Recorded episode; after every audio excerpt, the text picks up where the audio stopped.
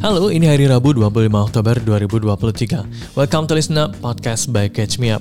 Hari ini kita bakal bahas mengeringnya sungai Amazon, vonis luka NMB, dan perusahaan farmasi China yang pakai hewan hampir punah untuk bahan obat. And now, let's catch up.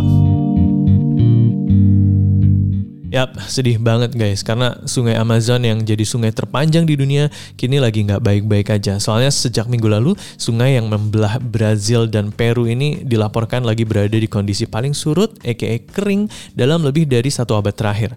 Hal ini tentu berdampak buruk untuk ratusan ribu orang yang hidup di sepanjang sungai Amazon, serta ekosistem hutan yang ada di sana. Kamu pasti tahu dong sama yang namanya sungai Amazon. At least kamu juga pasti pernah dengar nama sungai ini dari beberapa latar film film macam Anaconda atau Jungle Cruise-nya Dwayne Johnson. Ya, Sungai Amazon emang se-hype itu untuk jadi latar film. Tapi siapa sangka kekeringan yang lagi terjadi dalam beberapa bulan terakhir ini di sekitar Amerika Selatan udah bikin debit air Sungai Amazon turun ke titik terendah sejak pencatatan ketinggian air dimulai pada 121 tahun yang lalu. Ya, misalnya aja ya, pelabuhan Manaus, Brazil yang jadi kota terpadat di kawasan Sungai Amazon itu cuma mencatat aliran air setinggi 13, 1,59 meter aja di awal pekan lalu ya. Padahal di hari yang sama pada tahun lalu aliran sungai di sana itu tercatat mencapai 17,60 meter dan itu jadi jumlah rekor aliran terendah sungai Amazon sejak mulai dilakukan pencatatan pada tahun 1902. Well, kalau kata pemerintah Brazil sih curah hujan di beberapa wilayah sungai Amazon itu emang lagi dikit banget. Dari bulan Juli sampai September kemarin, beberapa wilayah di sungai Amazon itu punya curah hujan paling sedikit sejak tahun 1980.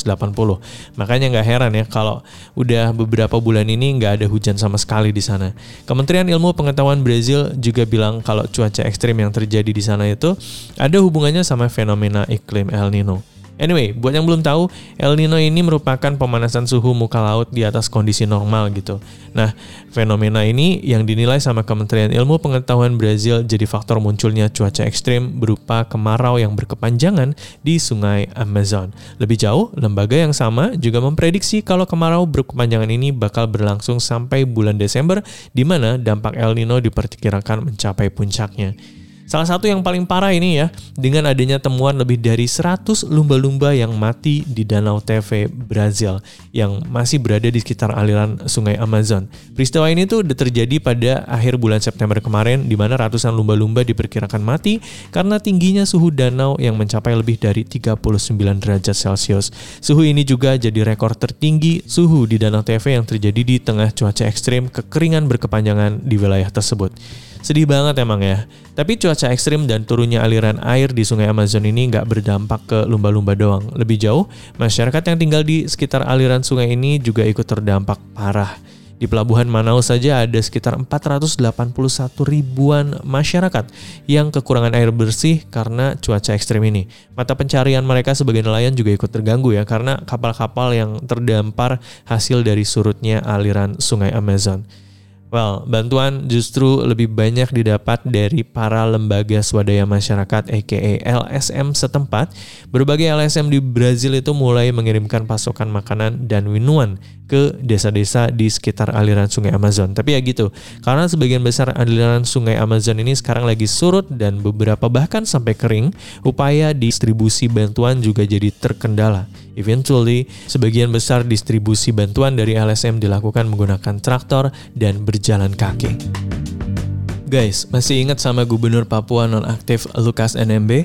By the way, Kamis kemarin Pengadilan Tipikor Jakarta udah memutuskan Pak Lukas bersalah dalam tindak pidana suap dan gratifikasi. Pak Lukas juga dinyatakan bersalah melanggar pasal 12 huruf A Undang-Undang Pemberantasan Jungto pasal 55 ayat 1 ke 1 KUHP Jungto pasal 65 ayat 1 KUHP dan pasal 12B Undang-Undang Pemberantasan Korupsi dengan hukuman pidana penjara 8 tahun dan denda 500 juta rupiah.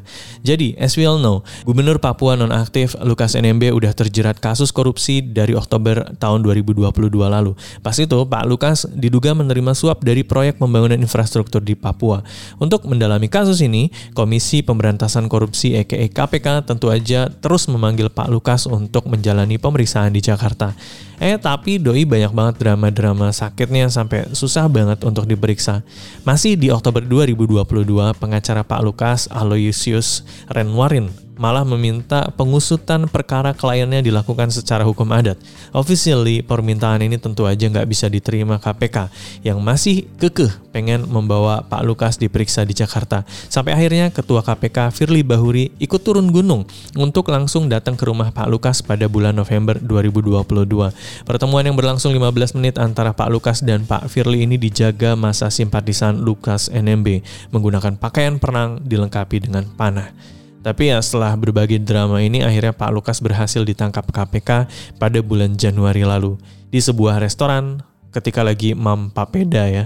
Meskipun udah ditangkap nih, drama Pak Lukas ternyata masih berlanjut guys. Pada agenda persidangan September kemarin, Pak Lukas sempat memaki jaksa dengan ucapan-ucapan yang tidak pantas. Baru deh pada Kamis kemarin, Pak Lukas dijatuhi hukuman pidana penjara 8 tahun dan denda 500 juta subsider 4 bulan. Lebih lanjut, begini bunyi vonis Lukas NMB yang dibacakan oleh Hakim Adam Rianto. Menjatuhkan pidana kepada terdakwa Lukas NMB oleh karena itu dengan pidana penjara selama 8 tahun dan denda sejumlah 500 juta rupiah dengan ketentuan apabila denda tersebut tidak dibayar diganti dengan pidana kurungan selama 4 bulan.